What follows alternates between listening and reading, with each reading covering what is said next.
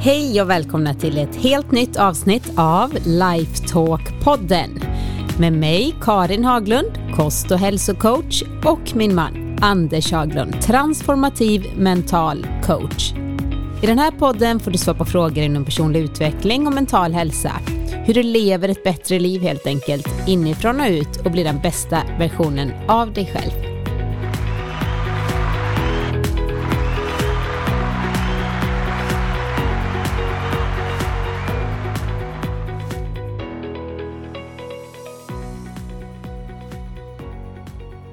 Hej Anders! Hej Karin!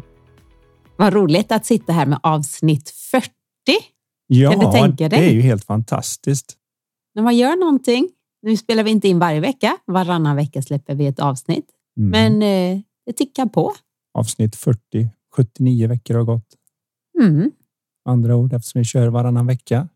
Det är lite kul faktiskt att vi gör nu. Ja, det ska man fira. Ja, det tycker jag. Varje skäl man har att fira är lika bra att köra. Så eh, skål tänkte jag säga i, i lite vatten. Alla ni som lyssnar, vi är väldigt tacksamma för att ni följer oss och hoppas som sagt var att eh, idéerna och tankarna här är värda att dela med sig av till andra så att eh, vi får det lite viralt sådär. Nej, men det är jätteroligt och jag vill också tacka för alla ni som mejlar mig frågor eller som skickar in frågor på hemsidan lifetalkpodden.se. Det är ju lite begränsat med att kunna ta med alla, men vi försöker så gott vi kan. Det kan ju dröja några veckor innan man får höra sin fråga i podden. Men till slut så händer till slut det. så får man höra Anders eh, svar på det man kanske går och undrar över. Mm. Så fortsätt skicka in. Det är jätte, jätteroligt. Jag vill ju faktiskt säga det också att framför allt så är det ju det att vi är så lika allihopa att även om vi tror att vi skickar in en fråga som bara gäller mig och så, så när man svarar på den eftersom vi då är så allmänt mänskliga så är det väldigt många andra som får hjälp i det svaret. Man kan aldrig veta när en insikt trillar ner. När den bara, ah, nu ser jag någonting jag inte riktigt har sett förut. Och det kommer spela ut på ett positivt sätt i mitt liv. Jag känner det. Det är ju vad vi hoppas på för den som lyssnar. Att man går där på en promenad och lyssnar på sin podd och så plötsligt. Ja, men Nej, det har jag inte riktigt sett förut. Eller man sitter i bilen eller man går hemma och fiddlar och städar och diskar och allt vad man brukar göra medan man lyssnar på poddar nu för tiden. Och så hör man någonting som man tänker, ah, det där hjälpte mig med något. Det är ju själva Det är så underbart. Drömmen, det är så roligt att era insikter. Och det är de där vardagliga, enkla, när det är som att det bara känns så naturligt att ja, men där fick jag någonting som jag har användning för i mitt liv. Mm. Men du, jag sitter här med eh, några bra frågor så jag tänkte vi kör igång. Ja, vi hoppar rakt in. Mm. Det här är en fråga från Christian och den lyder så här. Jag har en fråga som jag skulle vilja höra Anders syn på. Inom de tre principerna pratar man ofta om att du är född lycklig. Vad är skillnaden på den lyckan och lyckan som många beskriver när de får en kortsiktigt hormonutsöndring till exempel endorfiner från träning eller dopaminer från exempelvis sociala medier eller porrsurfande. Det jag egentligen frågar är om du skulle kunna prata om skillnaden mellan ditt medfödda välmående och kortsiktig njutning som många upplever från olika saker som till exempel droger, alkohol eller träning. Jag blir förvirrad när jag lyssnar på exempelvis Anders Hansen som menar att allt kan förklaras genom att titta på hjärnan utifrån ett evolution biologiskt perspektiv han säger till exempel att vi inte är designade för att vara lyckliga utan bara för att överleva.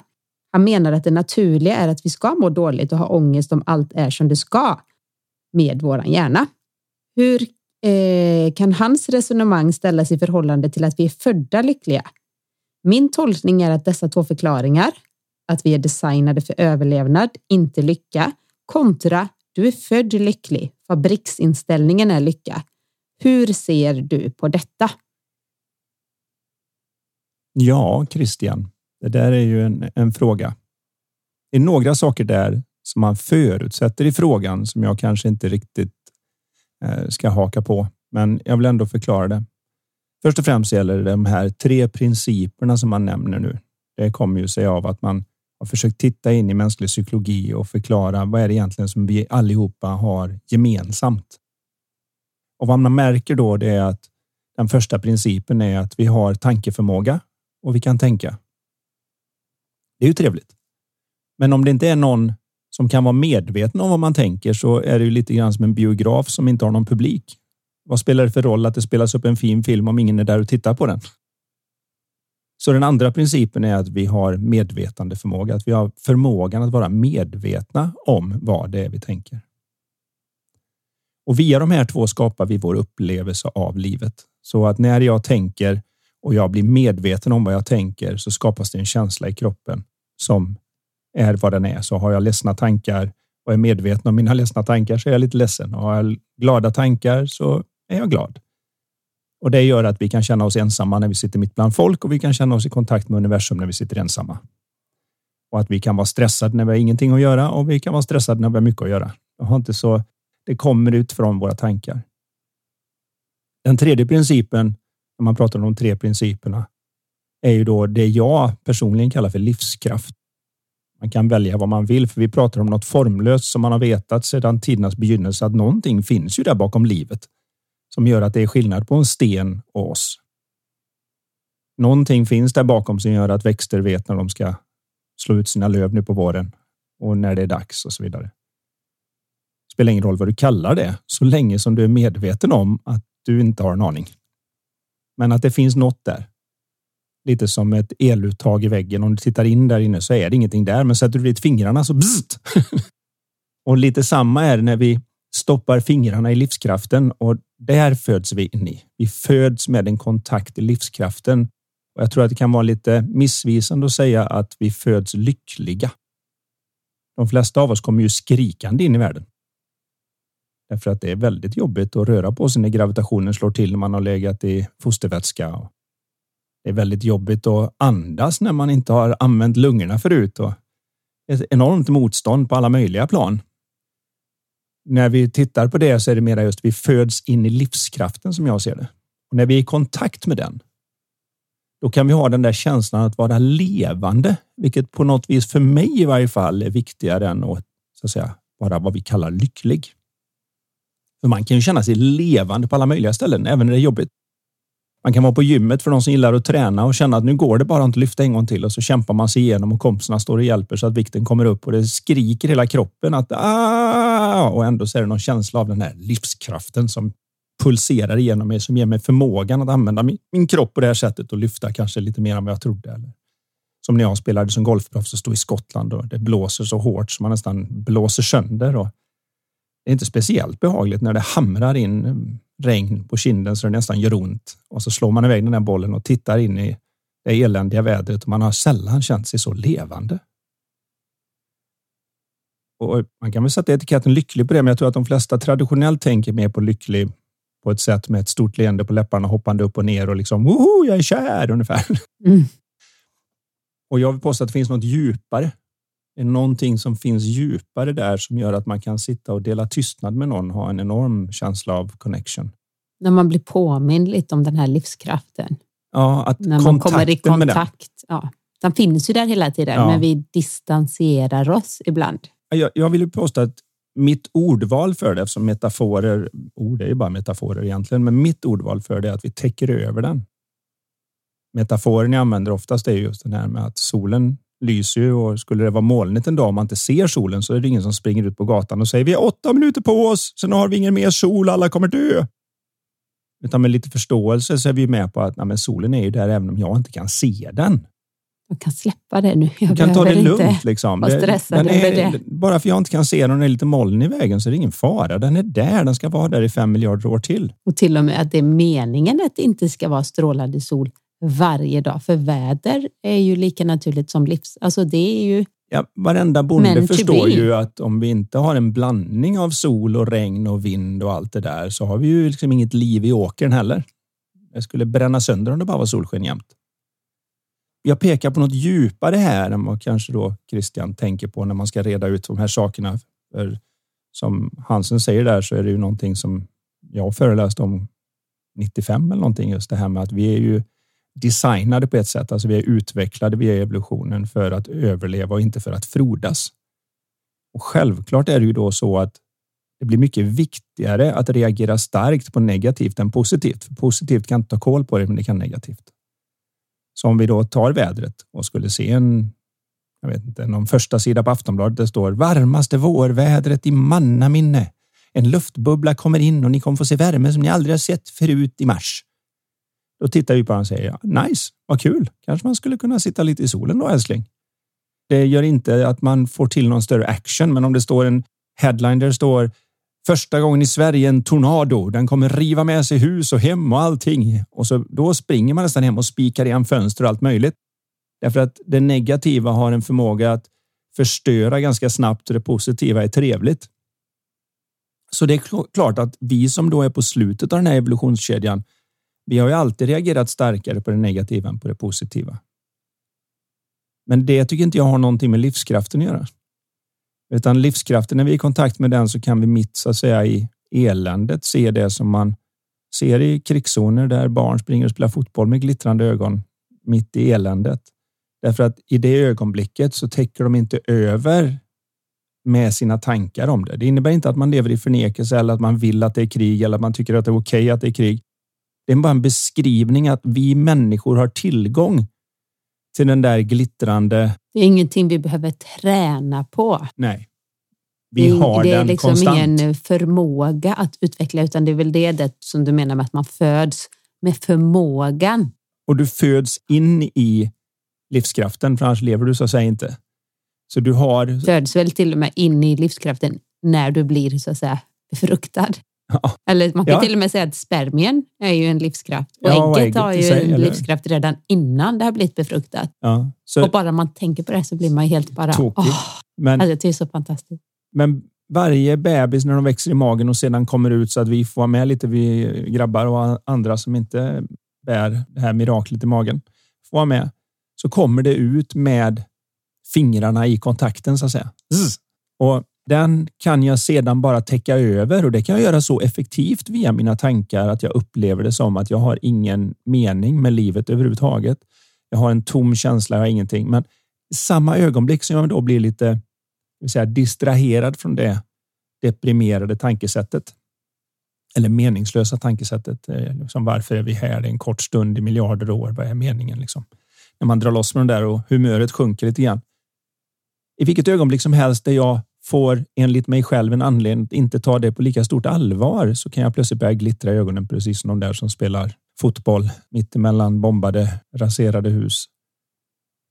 Och det är väl den jag är ute efter när jag får ihop den här, att det är en skillnad på hur det själva fysikaliska systemet fungerar och hur vi fungerar i sinnet. För den ena är ju i form. Alltså hjärna och kropp och allt det här är ju i formen och därmed så gäller så att säga fysiologins och eh, fysikens lagar för den. Men i huvudet så har jag inte de lagarna. Det tar 22 minuter tror jag för ljuset att komma hit från Jupiter så man kan se den röda fläcken. Så att när vi ser Jupiter genom en kikare eller vi har någonting som gör att vi kan se den. När vi tittar på den där planeten och ser den röda fläcken som är en storm som är större än jorden som bara åker runt där. Då ser vi den 22 minuter gammal. Men om jag tänker på den nu så är jag där på en nollsekund. Det är inte ens, jag upplever inte ens att det är ett tidsbegrepp att tänka på den röda fläcken på Jupiter. Så i sinnet så överbryggar jag den där tiden jätteenkelt och snabbt. Men det gör jag absolut inte i verkligheten. Då är det ju långt. Det är ju, vad blir det? 42 miljoner mil Särskilt eller någonting. om du skulle åka dit. Ja, men du vet, det är 42 miljoner mil dit. Det är i varje fall nästan, nästan tre gånger så långt som det är till solen. Det är en bra bit alltså. Så där överbryggar vi inte den i det fysikaliska, fysiologiska, men i vårat sinne så har vi den möjligheten och det är därför man ser såna här historier som Nelson Mandela som blev inspärrad i ett litet fängelse och torterad i 27 år eller vad det var, lite över ett kvarts sekel. Som när han får frågan hur stod det ut med lidandet svarar Vadå lidande? Jag har inte lidit. Jag har förberett mig. Det finns bara två vägar det här kan sluta. Antingen så torterar de mig så jag dör och då är jag martyr för hela det afrikanska folket så de reser sig och det blir ny regim. Apartheid är slut. Eller så kommer jag ut. Och när jag kommer ut, om inte landet ska falla i bitar, måste jag kunna regera med dem som har torterat mig. Jag förbereder mig här inne. När man sätter det perspektivet på det, att den ens är möjlig. Man vet ju själv hur det kan vara med mycket mindre saker än så. Eh, en utmaning att hålla humöret eller se sin mening eller vad det nu är under dagen där man tappar det där. Och jag är garanterat att han gjorde det mängder av gånger och tyckte det var jobbigt naturligtvis. Men det är det jag tänker också. Det är väl det som är precis som väder. Vårat mentala väder. Det är inte, vi är inte gjorda för att vara lyckliga jämt och hade vi varit det, hade, det, hade vi vetat ens att vi var det. Det var ju någon som sa så här att om livet vore perfekt, hur skulle man då veta om det? Det skulle inte få någon kontrast, utan det kanske är just det här som är det perfekta himmelriket. Som du brukar säga till mig, du är perfekt i din imperfektion. ja. Med andra ord, det är det som är eh, perfekt, att vi är imperfekta. Det är som Men just är spännande. att få ihop de här sakerna som Christian pratar om då, mm. där vi har en fysiologisk bit i hur är hjärnan gjord, hur skickar den signaler och det är väldigt aptitligt, speciellt med lite vetenskaplig bakgrund, att se hela systemet som en enkel maskin där vi kan se ettor och nollor gå in och ettor och nollor komma ut. Så vi kan säga att ja, så här är vi gjorda och så här tänker vi och så är det och det kan vi. Typ lite njutning, ångest, oro. Är det det du menar? Att alltså maskinen tillverkar de här olika Ja, men man ser det också som att då kan vi också fixa och dona med det lite grann. För då kan vi in och skruva för att få bättre bild på tv-apparaten ungefär. Att, ja, skruvar vi upp eh, den blåa färgen och så ser vi till att refresh-raten är Eller lite göra lite mera saker som ger den här Och vad jag säger istället är ju att vi redan funkar.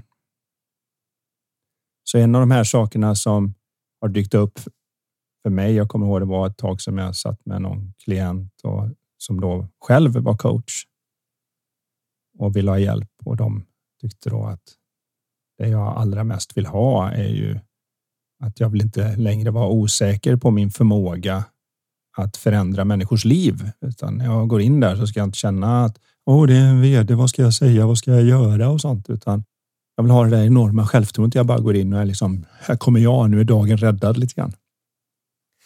Jag kommer ihåg hur han reagerade när jag sa det att är du säker på att det är det du vill ha? För, för mig som coach är inte det viktiga att människor får vad de vill ha, utan att de vill, börjar vilja ha vad som är värt att få. Ibland önskar vi oss saker som kanske inte är lösningen egentligen. Så jag sa, är inte det egentligen det du vill ha? Att du vill ha en total förståelse och självförtroende om att dina klienter har det i sig som behövs för att ändra på sig. Det är en väldigt stor skillnad jag ska vara stålmannen och ha allt som behövs för att ändra på en person eller veta att nu kliver jag in med en person som redan har allt som behövs för att ändra på sig så att det jag ska göra behöver inte vara så våldsamt mycket.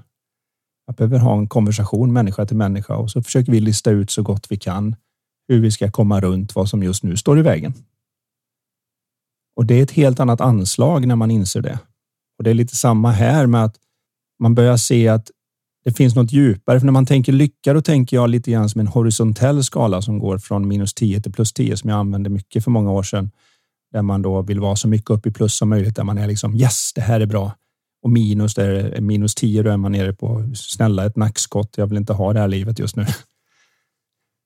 Och så åker man fram och tillbaka där. Men vad jag numera pratar om efter att ha sett de här principerna bakom livet och hur vår psykologiska funktion är, är att det finns något djupare under den horisontala skalan som går på vertikala djupet. Och när jag är på det djupa stället så spelar det inte längre lika stor roll vart jag är på den horisontella skalan, för jag kan så att säga vara ledsen, men vara skönt ledsen. Jag kan vara uppe, men är på något vis skönt uppe och inte maniskt uppe när jag är i kontakt med det på djupet som jag då kallar livskraft. Och det är något helt annat. Jag vill väl säga att det jag pratar om när vi, när vi tittar på är, vad är fabriksinställningen? Är det lycka eller inte? Jag vill påstå att det är kanske mera just att vi fabriksinställningen är att vara i kontakt med livskraften. Om jag inte känner den kontakten, vilket gör att jag inte har den energi jag vill, jag har inte riktigt den det sköna upplevelsen jag vill oavsett om det går lite upp och ner som, det, som en börskurs som det gör för alla människor i livet. Mm. Ingen som bara går upp och säger jag stannar här uppe på toppen nu resten av livet. Utan det går lite som sagt var som vädret. Men att inte vara okej okay med det och inte känna energin, då är det bara att nu är det någonting som inte riktigt är som det ska. För jag borde ha kontakt med livskraften. Och om man vet att det, vad det är, att den som är i vägen, det är själva mitt, mina tankar och ett oskyldigt missförstånd. om att mina känslor som blockerar just nu och den osäkerhet jag känner kommer från min egen tankevärld. Och det brukar reda ut begreppen i varje fall för klienter och andra om de börjar se det. Så att jag ser ingen motstridighet i det här i att eh, vårt nervsystem och hjärnan så att säga prioriterar att reagera starkare på det negativa än på det positiva för att det är en överlevnadseffekt. Men idag så överlever vi ganska självklart. Förr kanske man fick ett gäng barn och var glad om två, tre av dem överlevde. Och idag så skaffar man kanske två, tre barn och det är en katastrof om inte alla överlever. Så vi har ju gått ur. Vi är i en annan fas som mänsklighet nu, i varje fall i de flesta delar av världen där det inte är krigszon och svält och annat. Där vi förutsätter överlevnad och nu vill frodas. Och för att frodas mer så behöver vi se till livskraften och i den livskraften så har vi allt som vi egentligen söker där vi har svar på frågor. Vi studsar lätt tillbaka och allt det som människor är bra på som vi oftast får vänta på kriser för att fatta hur mycket vi har i oss. Och vad jag vill gärna göra är att hjälpa människor att se det utan att behöva ha en kris så man kan slippa lite av det. Men om man har en kris eller har just det här mycket oro och ångest så är inte det heller alltså med livskraften med kontakt med den så är ju inte det heller så himla farligt. För vi vet att vissa så här kommer ur det. Mm. För idag så när vi vill då växa och frodas som människor och, och, vi vill kanske då att tror att det går att vara lycklig hela tiden och vi vill dit så glömmer vi att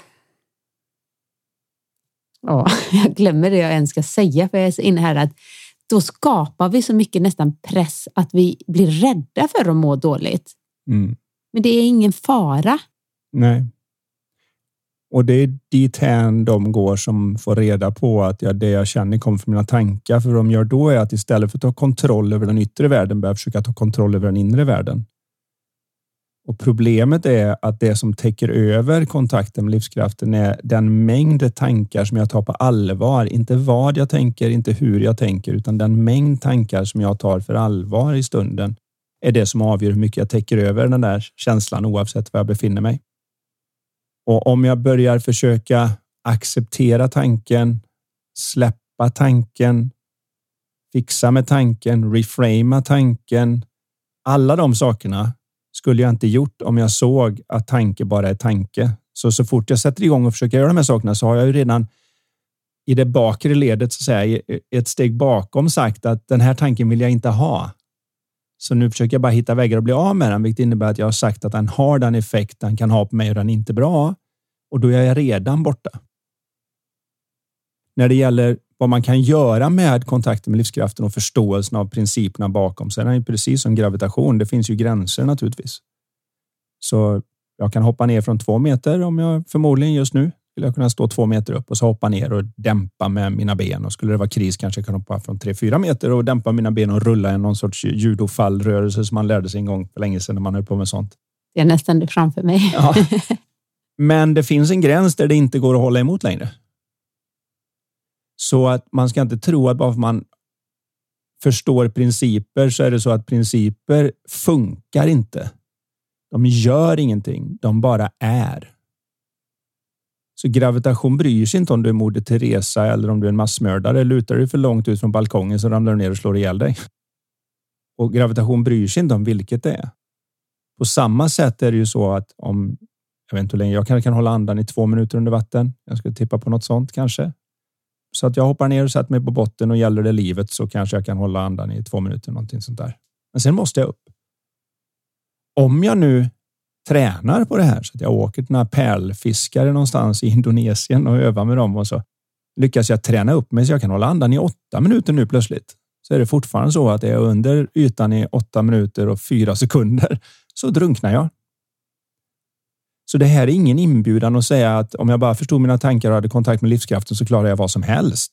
Och då kommer jag alltid vara lycklig och ha ja. kontakt med den och veta om att den finns där. Ja, och då kan jag gå igenom. Vad... Nej, nej, nej, det är en inbjudan till att förstå att inbyggt i den där livskraften finns det en visdom som också säger gå inte så nära den där balkongen, det är högt.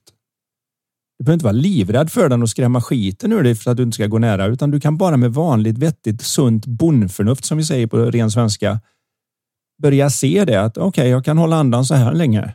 Men börjar jag närma mig det så kanske jag stressar systemet lite mycket. Det kan vara på jobbet, det kan vara på träning, det kan vara var det nu än är. Att Ja, självklart kan jag klara väldigt mycket mer än jag någonsin kan tro när jag tar bort mycket av den rädsla jag har för hur jag kommer må när jag gör det.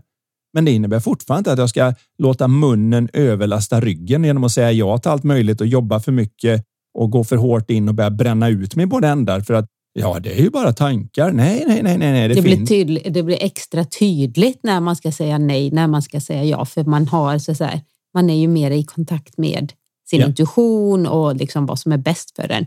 Och det är det jag tänker också just det här med kortsiktig njutning som alltså spel, kanske alkohol, droger, träning och så vidare. När man är mera i kontakt med som sagt sin livskraft så kan man fortfarande välja att åh, och jag vill springa nu för jag älskar det, eller den dopaminkicken, eller göra någonting. Men, men det blir inte den här, åh, jag mår dåligt, jag måste distrahera mig med någonting för att få en kortsiktig, vad de tror är njutning. Men den njutningen kan ju aldrig bli så bra som när vi är i våran livskraft och naturligt väljer att just nu så vill, vill jag göra det här. För det blir så äkta på något sätt kommer ju från ett helt annat ställe när man gör saker för att komma undan någonting och när man gör saker för att man tycker det ser vettigt ut och, och det linjerar med vad jag innerst inne vill. Och de här kortsiktiga sakerna är ju oftast inte att jag egentligen vill det, utan det är att jag vill bara ha någonting, men inte det jag känner nu. Typ lindring. Ja, det är en lindring som är från att jag är så uttråkad och jag hatar känslan av uttråkning så jag går och porrsurfar eller vad det nu var han skrev här. Eller att jag går och tränar eller jag går och gör något annat. Vad det nu än är så är ju den är någonting som jag går för att göra gå ifrån någonting snarare än att gå till någonting. Och när jag lyssnar inåt, när jag använder det faktum att, de här, att principen om psykolog, psykologi är likadan som principen om gravitation. Att alla människor lever i känslan och upplevelsen av sina tankar ögonblick till ögonblick vilket innebär att alla människor gör så gott de kan givet det tänkande som ser verkligt ut för dem i den här stunden. Så öppnar sig möjligheter att hantera saker på ett helt annat sätt. Jag kommer inte skylla det på mina omständigheter, den där känslan. Jag kommer inte skylla det på andra personer och då behöver jag inte ge mig på det. Jag går fortfarande och ändrar på omständigheter jag inte gillar, men av den anledningen att det ser vettigt ut att vi behöver renovera köket. Inte eller kan vi inte hitta inte... på något roligt just nu? För nu skulle jag längta efter att uh, ja, göra det här och det här. Men det kommer från ett så att sundare ställe. Det är ett sundare ställe och man gör det inte bara för att undvika och man gör det inte för att man försöker ändra på utsidan för att komma åt insidan. Utan man kommer från insidan och känner och märker vad jag vill göra på utsidan. Och det kan låta som att jag nu nästan bara tungvrickande semantiskt ändrar på ord och så för en del som gör det här. Men om ni lyssnar ett par gånger på det så hoppas jag att ni ser att det är en enorm skillnad. Du säga det en gång till då, för det var så bra. jag kommer knappt ihåg vad jag sa nu för att jag Det kom så, så från insidan. Ja, det kom så från insidan. Men just den här distinktionen varifrån det jag känner kommer. Om jag inser att det kommer från mig så ger jag mig inte på utsidan för att rätta till insidan. Utan då förstår jag att det finns ingenting att göra på utsidan. Det finns bara någonting att förstå och ha en bättre relation med på insidan. Och då är jag i den livskraft som vi alla har och den känns underbar oavsett var jag befinner mig på den där fysiologiska kurvan som de då pratar om att så här är du gjord och sån är du och det kan du inte göra mycket åt för det är generna som... Nej, det, vi har förmågan alla att gå utanför detta. Alla har ju livskraft, för när livskraften är slut, då märker man det. Ja, om, eller, det märker de runt omkring det snarast. Skulle jag ja, precis. Jo, det, det är inte så säkert att du märker det. Det vet vi inte. Det vet vi ingenting Kanske om. går in i, äntrar någon annan form av livskraft. Mm. Och när jag hör det där, då är jag ju tvungen att vara så där vetenskapligt tråkig. Så jag citerar Einstein som sa det att jag är så bekväm med att inte veta att jag behöver inte fylla min okunskap med tro. Nej, det är ditt ledord. Jag tycker mer så här, jag är väldigt bekväm att inte veta, därför väljer jag att skapa någon form av tro som jag vet är just en tro och ingen sanning. Men det känns spännande. Jag gillar min fantasi om den. Jag gillar att fantisera om min tro, vad som skulle kunna hända. Och jag gillar... Men jag är ju inte den som säger att så här är det. Eh, jag tycker bara det, det, det jag tänker ibland att alltid synd om dig som inte tror så mycket att till exempel att vad som händer efter döden. Eh, för jag tänker att du går miste om den här härliga känslan att tänka att oh, det kommer, jag tror det, att det är något mer. Det är ju där som jag då får ut vad jag tycker är kanske en djupare känsla av att titta ut på stjärna och universum, bara inse hur lite man kan och förstår och får den där enorma känslan av wow. Att den känslan av hur mycket det finns att vara nyfiken på och lära sig anser jag är större än någonting som man kan fantisera ihop. Att verkligheten är, är bättre än ens fantasi och tro om vad man kan hitta på. Så den där känslan av att wow, vad häftigt vi funkar. Jag har ingen aning om hur det är där inne i hjärnan och undrar om det kan vara så här. Den känslan är så stark att jag inte riktigt ser varför jag skulle behöva försöka om jag kan hitta på någonting som ska få den känslan när den redan är där i det faktum att universum och alla mm. dess mysterier redan är så mindboggling fantastiska att man bara har den äkta känslan av engelskans awesome. Där man bara nästan tappar andan av när man börjar se du vet, Varför bara har vi inget galax. svenskt ord för det? För, för awesome. Ja. Överhuvudtaget så såg jag en studie som visade att Förundran, svenska kanske. språket har extremt mycket ord för negativa känslor och ganska få för positiva. Medan amerikansk engelska har väldigt mycket för positiva sidan och inte lika mycket på den negativa sidan. Så det är klart, då kan man inte beskriva det och då får man ju med sig det naturligtvis. Mm. Men det säger någonting om hur vi är, för de är ju för mig som har bott där borta och så, så blir man ju väldigt förvånad när man kommer dit bort att de är ju väldigt excited över allting. Om vi spelade en eh, tävling på um, i, i Paris och så bodde vi eh, precis vid Versailles på ett hotell där och så kom det en busslast med amerikaner. De kommer ut så där, vet, alla är exalterade, alla är glada och så vänder de sig, vet jag att de kommer till Versailles och så vänder de sig om mot bostadsbygget som är mitt emot hotellet och bara klick, klick, klick, klick, klick, klick, klick och så kommer deras reseguide och säger nej, nej, nej, Versailles är här borta och de bara wow och så är de på väg dit bort. För de, de trodde att det bostadsbygget var Versailles och var helt exalterade över det. Så det var liksom bara. Det låter lite som jag brukar vara. Ja, men, men väldigt sådär enkelt att bli excited över allt möjligt. Det blir man ju om man någon gång skrivit upp sig på ett Ameri amerikanskt eh, nyhetsbrev så man alltid I'm so excited that you have signed up to our newsletter. Ja, vi, vi skulle helt enkelt behöva få hitta på lite nya ord jag vet inte om vi behöver lägga orden på det istället för att titta. Jag har ju använt den här metaforen förut. Jag vill använda den igen. Vad du än hör här och vad jag än försöker beskriva så måste man se att det jag säger, det jag ritar och det jag föreläser om förhåller sig till vad jag egentligen är ute efter lite grann som en meny förhåller sig till mat. Hur bra och fin menyn än är, om du biter på menyn och försöker äta den så smakar den papper. Är maten du vill åt. Så jag är inte så noga med hur man beskriver det. Finns, finns om du nu skulle kalla det lingvistiskt osofistikerade personer som inte har den typen av ordförråd och annat som någon som har läst som en massa jag. böcker. jag har inte den lingvistika ha, förmågan. Har ingen skillnad på djupet av känslolivet.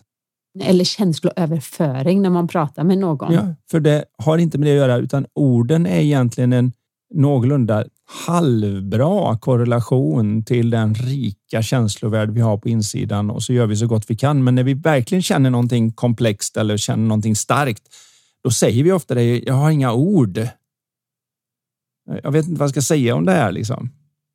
Jag har sett det med idrottare om och om igen när de har satt världsrekord eller de har gjort något de inte riktigt är. Liksom, hur känns det? Eller när vi satt och tittade på Talangen sistens, den lilla tolvåriga killen som sjöng hur bra som helst och vann hela rasket fick frågan liksom, hur känns det? Och säger, jag har inga ord, jag vet inte vad jag ska Nej, säga. Det känns så mycket olika ja. och han kunde liksom inte förklara det. Och det, det visar på det här. Den känsla de har inuti går inte att beskriva med ord och vi kan lyssna på dem och säga då vet jag vad du känner. Utan Nej. Det är ett rikare så att du måste alltid ta ner det något snäpp när du sätter ord på det. Så ibland så är det ju faktiskt bättre när någon frågar eh, beskriv det för mig och säga bara nej jag vill inte det för jag vill inte sabba jag vill inte ens sätta ord på det. Nej. Det är obeskrivbart.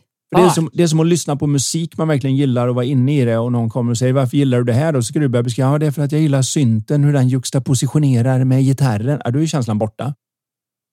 Mm. Men för nu har du lagt ett lager tankar ovanpå livskraften som du var inne i. Och ord när du bara som inte är lika skölja. bra som som det faktiskt är. Men nu... Nu- eh, Vi har dratt Som iväg som vanligt. Men jag hoppas att det gav någonting för Christian här om, om hur det jajvar ihop eh, den här grejen med att vi har en default setting på livskraft och den livskraften är egentligen det bästa man kan känna, men det innebär inte att man är lycklig hela tiden. För och det är nog inte ens målet att vi Nej, det- ska vara det där. det åker berg och dalbana, alltså själva känslolivet åker berg och dalbana. Men den berg och som- dalbanan följer tanke helt och hållet. Det vi egentligen pratar om när vi pratar lycka, i varje fall så som jag pratar om lycka eller livskraft, är den känsla av att vara levande som ligger där under och pulserar hela tiden.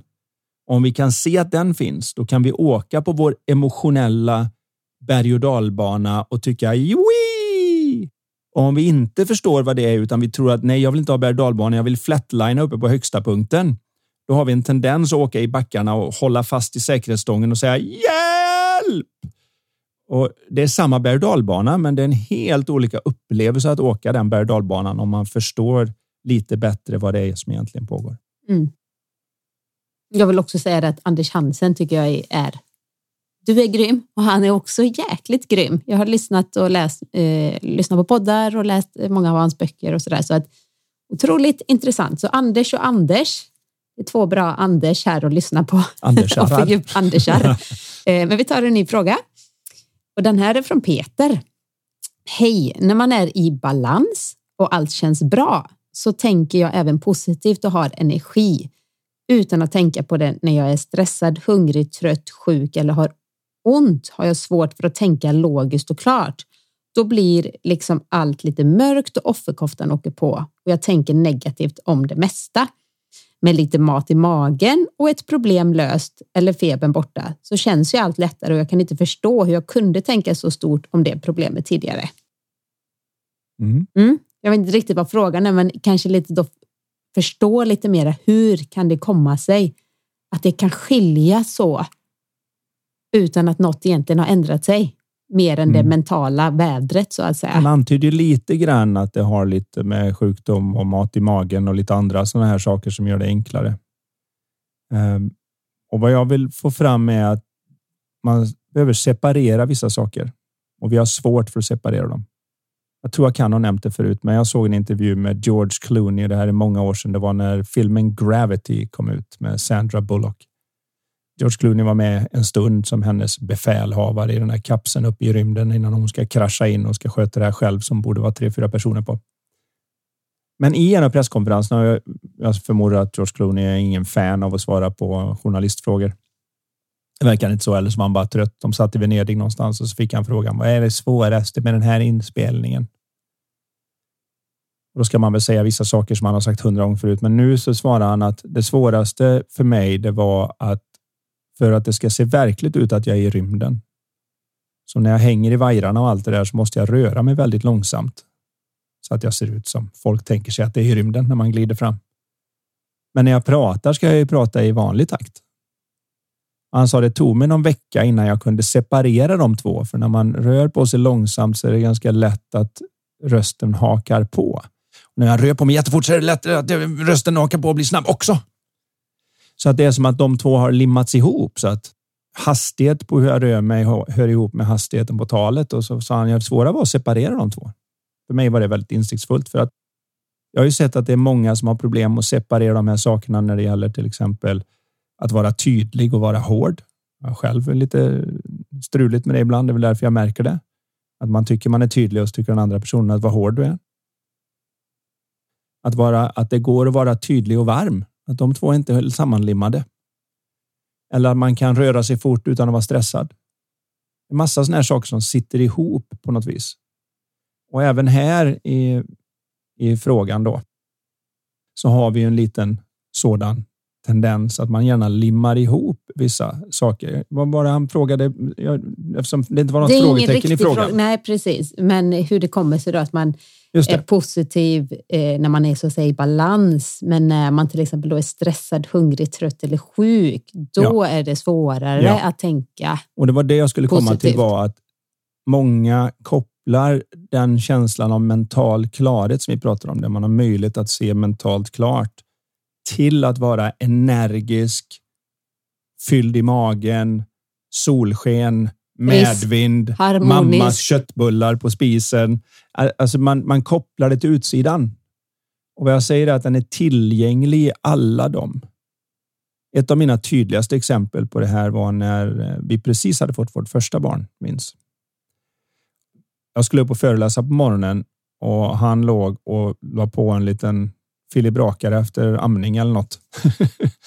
och den gick ut i stort sett upp i ryggen och man fick vara snabb upp med honom för att det inte skulle bli lite men när bajs. var detta? När han var alltså, jätteliten. Ja, men var, varför var han med när du skulle? Det måste ha varit att vi hade något event. Han kanske var tre, fyra månader ja, eller väldigt, fem månader, han var, sex månader. Han var liten och i varje fall det blev så nästan upp i ryggen. hade blöja. Ja, men det var här i eh, så att säga. Så att, Jaha, okej. Okay. så att jag vet precis hur, jag, jag kommer ihåg hade med tydligt. Nej, jag har inte med honom Varför var han med dig? Med? Nej, nej, vi var hemma. Ja, okej, okay. vi var hemma.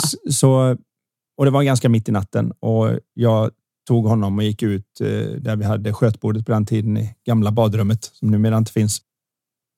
Och så lade jag ner honom där och det var liksom bajs överallt och han fattade inte att han inte ska vifta omkring och ta i det och allt vad det är. Och jag kände, åh, inte nu mitt i natten när jag ska upp och föreläsa imorgon och jag är så trött så jag vet inte vad jag ska ta mig till. Och ljuset från badrummet flödade in i sovrummet där du låg och förmodligen försökte få lite sömn mitt i det här, för du var ganska trött och ditt hår flödade ut över, över kudden där.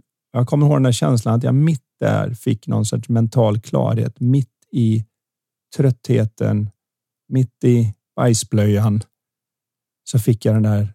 Man kan inte må bättre än så här. Man kan bara må annorlunda. Och jag är ändå trött så jag går på knäna. Och jag är uppe mitt i natten och jag vet om att jag egentligen borde få chans att sova för att jag ska upp och prestera imorgon. Allt det fanns där, men jag tänkte inte på det just då, utan det var bara Gud vad vackert. Här är min lilla kille som ligger och sprattlar och jag. Och där ligger min fina fru. Det var liksom som bästa Rembrandten. Plötsligt såg det så annorlunda ut. Och just den här förmågan att se att det kommer inifrån oss hur det ser ut, inte utifrån. Och det är det vanligaste misstag man gör är att man säger ja, men det är klart när du fick vara med din lilla son och du har en fin fru som och det ljuset faller på rätt sätt. Det var ju därför. Nej, det var för det var att jag plötsligt fick den mentala som... klarheten som gjorde att ljuset såg så fint ut. Mm. Att den bajsblöjan plötsligt var en ganska mysig stund mitt i natten. Allt det där kom till mig från andra hållet. Vad jag vill få fram här är att det som behövs är att man ser, även om det kan tyckas vara så att nej, det måste ändå vara mycket lättare än det här. Det måste vara mycket enklare om man har alla pengarna om man bor på rätt ställe om man är på semester på ett femstjärnig resort och vad det nu kan vara. Men det gäller att se att hur mycket det än ser ut så, så är det inte så. Det är som att titta på en solnedgång och när du ser solnedgången, jag bryr mig inte om hur hårt du försöker titta på solnedgången, så kommer du uppleva det som att solen går ner och du står still. Fast vi vet att det är jorden som snurrar runt solen och runt sin axel så svär sinnena på att nej, nej, nej, nej, solen går ner i havet eller solen går ner över skogen eller över kullen eller var det nu är någonstans. Det är vad som händer. Solen går ner och sen går solen upp. Ja, men bara för att dina sinnen säger att det är så, så är det fortfarande inte sant. Det var sant fram till Copernicus kom på att det inte är så det funkar. Och det har alltid varit så att omständigheterna är vad som får vår inre sol att gå upp och ner. Så när jag har det bra mår jag bra. När jag har det dåligt mår jag dåligt. När jag har mycket att göra är jag stressad. När jag har lite att göra så känner jag mig lugn. Det är, det är så, så vi har det ser på. ut.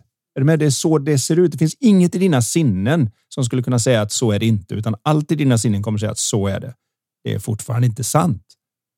Du går upp och ner med dina tankar från ögonblick till ögonblick och inte bara dina, vilka dina tankar är, alltså inte vad du tänker på, inte hur du tänker, utan du går upp och ner med det faktum att du tänker och hur många av de tankar du ser igenom som tankar och hur många av dem du tror är nej, nej, nej, det är hur världen är och det är inte konstigt att jag.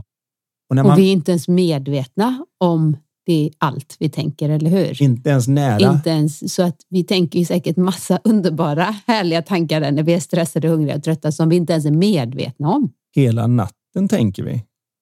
Vi kallar det drömmar. Och vi vet att de som ligger i ett sömnlabb drömmer hela tiden, men de enda drömmar vi kommer ihåg överhuvudtaget är de vi hade precis innan vi blev väckta eller blev vaknar till liv. Det är den enda drömmen, men vi drömmer mängder av annat som vi inte har en aning om att vi har drömt. Men det är också tanke. Och tänker vi skrämmiga eh, mardrömmar så vaknar vi och pulsen slår som om det var på riktigt. Tänker vi, har vi sexiga drömmar så vaknar vi med den känslan. Har vi glada drömmar så vaknar vi med den känslan därför att det är också tanke. Det enda problemet är att vi har så svårt att se att vi går och drömmer när vi är vakna. Och det är den separationen jag är ute efter när jag svarar på den här frågan. Att ska vi kunna göra någonting med svaret på den fråga jag tror ligger bakom orden här så behöver man se separationen mellan omständighet och känsla och framför allt ett steg djupare då omständighet, känsla, tanke, känsla och att det finns något djupare i livskraften där som gör att man kan ta hand om allt man står inför på det bästa sätt man har möjlighet att göra. Märk väl, hoppar jag från för högt eller för länge under vattnet så spelar det ingen roll hur mycket jag är i kontakt med min livskraft så är förmodligen livskraften över efter det. Så det handlar om att när jag är i kontakt med livskraften, när jag är mentalt klar, så tar jag vettiga beslut som är det bästa jag kan göra med tanke på förutsättningarna. Det är inget, mm. det är inget magiskt piller som är som, som alla din önskan. förutsättningarna. Nej, precis. Du kan fortfarande vara hungrig och trött mm. och sjuk, men med en mental klarhet så har du tillgång till så att säga, dina bästa resurser mentalt. Då. Du får de svar du behöver oftast och ibland så är de svaren. Jag har ingen aning, men jag skulle kunna fråga den personen. Så... Det är rätt jobbigt om man tror att man behöver vara hela tiden i balans för att tänka positivt och, och, och så vidare. För det är ju en omöjlighet. Ja, framförallt så är det så att det finns ett enormt moment 22 här som alla idrottare som jag coachar som gärna vill vara i zonen upptäcker. Ditt standard ditt standardställe är zonen. Du föds in i zonen. Du kan inte upp vilket barn som helst hur i ögonblicket de är när de ska försöka ställa sig upp, när de ska gå, när de leker med en sten. Allting är i zonen. Det är därför de lär sig så enormt fort. När vi blir lite äldre så blir det ett ställe vi vill hem till igen för vi vet hur bra det är där och när vi i våra försök att komma dit håller vi oss därifrån. Och de flesta idrottare märker det att ju mer jag måste vara där, ju mindre jag är där. Men så när det börjar dåligt och det går dåligt, då släpper jag det plötsligt för jag tycker att nu går det ändå så dåligt så nu skiter jag i det här. Och då går det plötsligt bra igen. Och då kan jag få den här frågan. Är det meningen man ska skita i det? Jag ska gå till nästa tävling och verkligen försöka skita i det. Jag ska inte bry mig. Det är hemlisen, eller hur? Nej, det är det inte. För att du är människa, du bryr dig om allt. Hemlisen är att se att du redan är i zonen och du kan bara blocka den genom att dra loss och ta det på för mycket allvar. Det är helt okej okay att ha nervösa tankar. Det är helt okej okay att ha prestationstankar. Det som håller dig borta är först när du tar dem på allvar, för det är först då så att säga molnen framför zonen mörknar så solen inte kommer igenom. Om du har dem så är de genomskinliga moln så länge du ser att ah, just det, det är ju det som pågår just nu. Och, och det är ju en väldigt bra insikt. För det, han avslutar här med att jag kan inte förstå hur jag kunde tänka så stort om, de, om det problemet tidigare. När han så att säga mera kommer i den här mentala klarheten igen. Mm. Den insikten att man förstår att wow, det skiftar. det skiftar och som skillnad det är utifrån vilket mentalt väder jag har, hur saker och ting. Det behöver inte betyda att det inte behöver hända, men bara det vetskapen att det fungerar så mm. är ju väldigt skön. Så då kan man vänta lite. När man, kanske inte ta som vi har sagt innan. Vad gör ni när ni vad var det, vi hade var det förra avsnittet det här med att vad vi, då sa vi vad vi, vi gör inte när vi är på dålig, dåligt humör eller låga.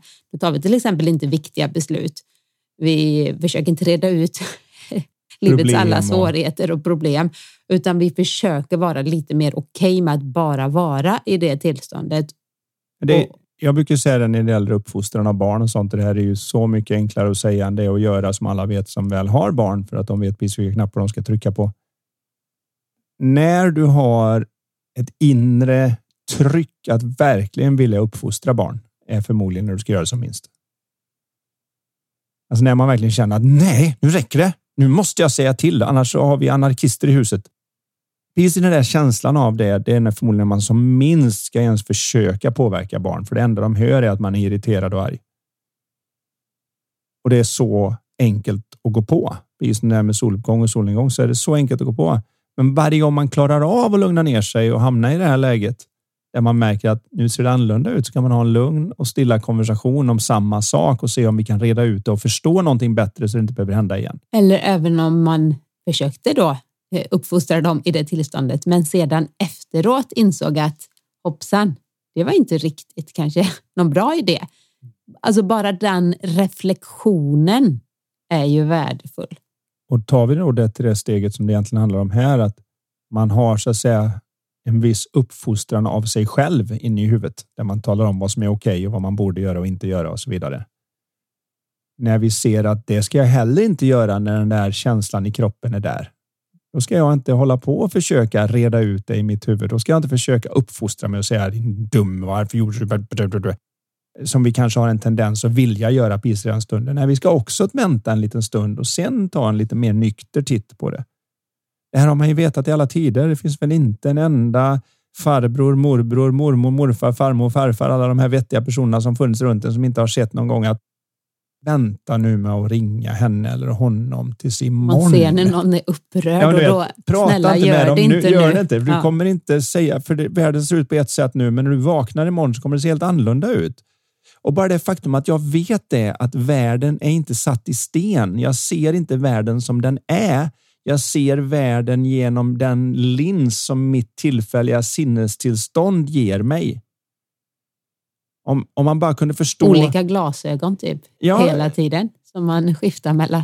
Om man bara ens kunde se det, att förstå den lilla biten att okej, okay, det här är inte satt i sten. Jag kan svära på just nu att jag aldrig sett hur de utnyttjar mig eller drar nytta av mig på jobbet här och det är det värsta jag varit med om.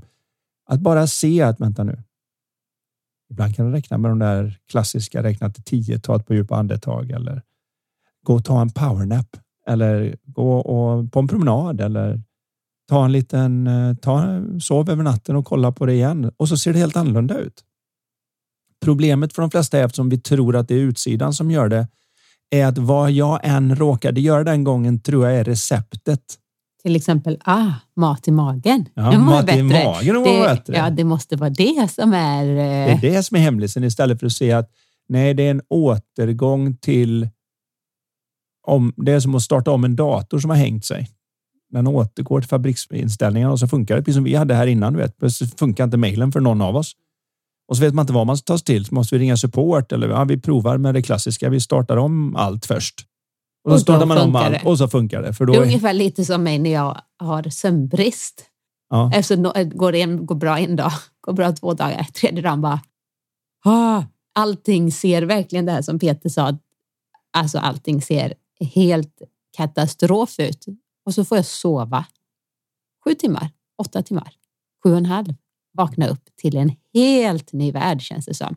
Vad fantastiska barnen är och vad Andersen är så kärleksfull och perfekt i sin imperfektion. Gud vad jag har blivit eh, bra plötsligt. Ja. ja, och det är just det, då, lite att resetta hela systemet. Och där är ju också väldigt viktigt för då den som tar emot det här åt båda hållen, för det kan ju vara andra hållet också. Men när du är låg och ingen runt omkring dig är vattenvärd, att man inte tar den personen, utan man vet det att vänta nu lite grann. Vad jobbigt hon har. Hon har inte sovit. Nej, hon har inte fått sova. Hon är inte på rätt ställe. Det, just nu har hon varit under vatten lite längre än hon kan hålla andan nästan.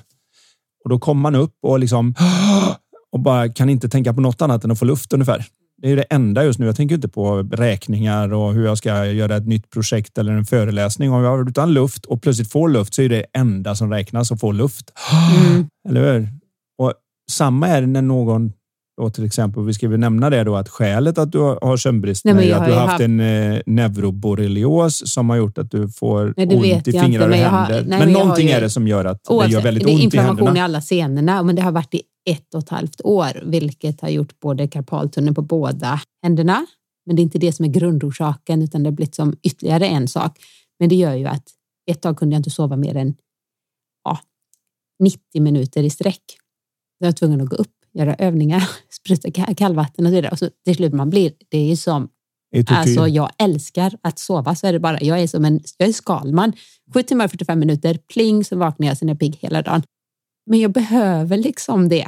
Ja, men det är varenda studie som kommer fram visar ju att det är det bästa hälsoelixir som finns är ju att få sina åtta Sju, mellan sju och en halv och åtta och en halv timmar. Och där de är väl lite olika. Och lite olika, men tjejer behöver oftast få lite mer än killar faktiskt. Är det så? Mm. Jag trodde att vi behövde mer för att vi går och bär på lite mer muskler, men det kanske inte var så. Nej. Inte vi. Ja. Vi är så smarta så vi Ni behöver det. Ja, just det. Det är mera processa allt som händer. Men Nej, alldeles vet inte. oavsett så har varje studie som kommer ut visar än mer hur viktig sömnen är för allt annat.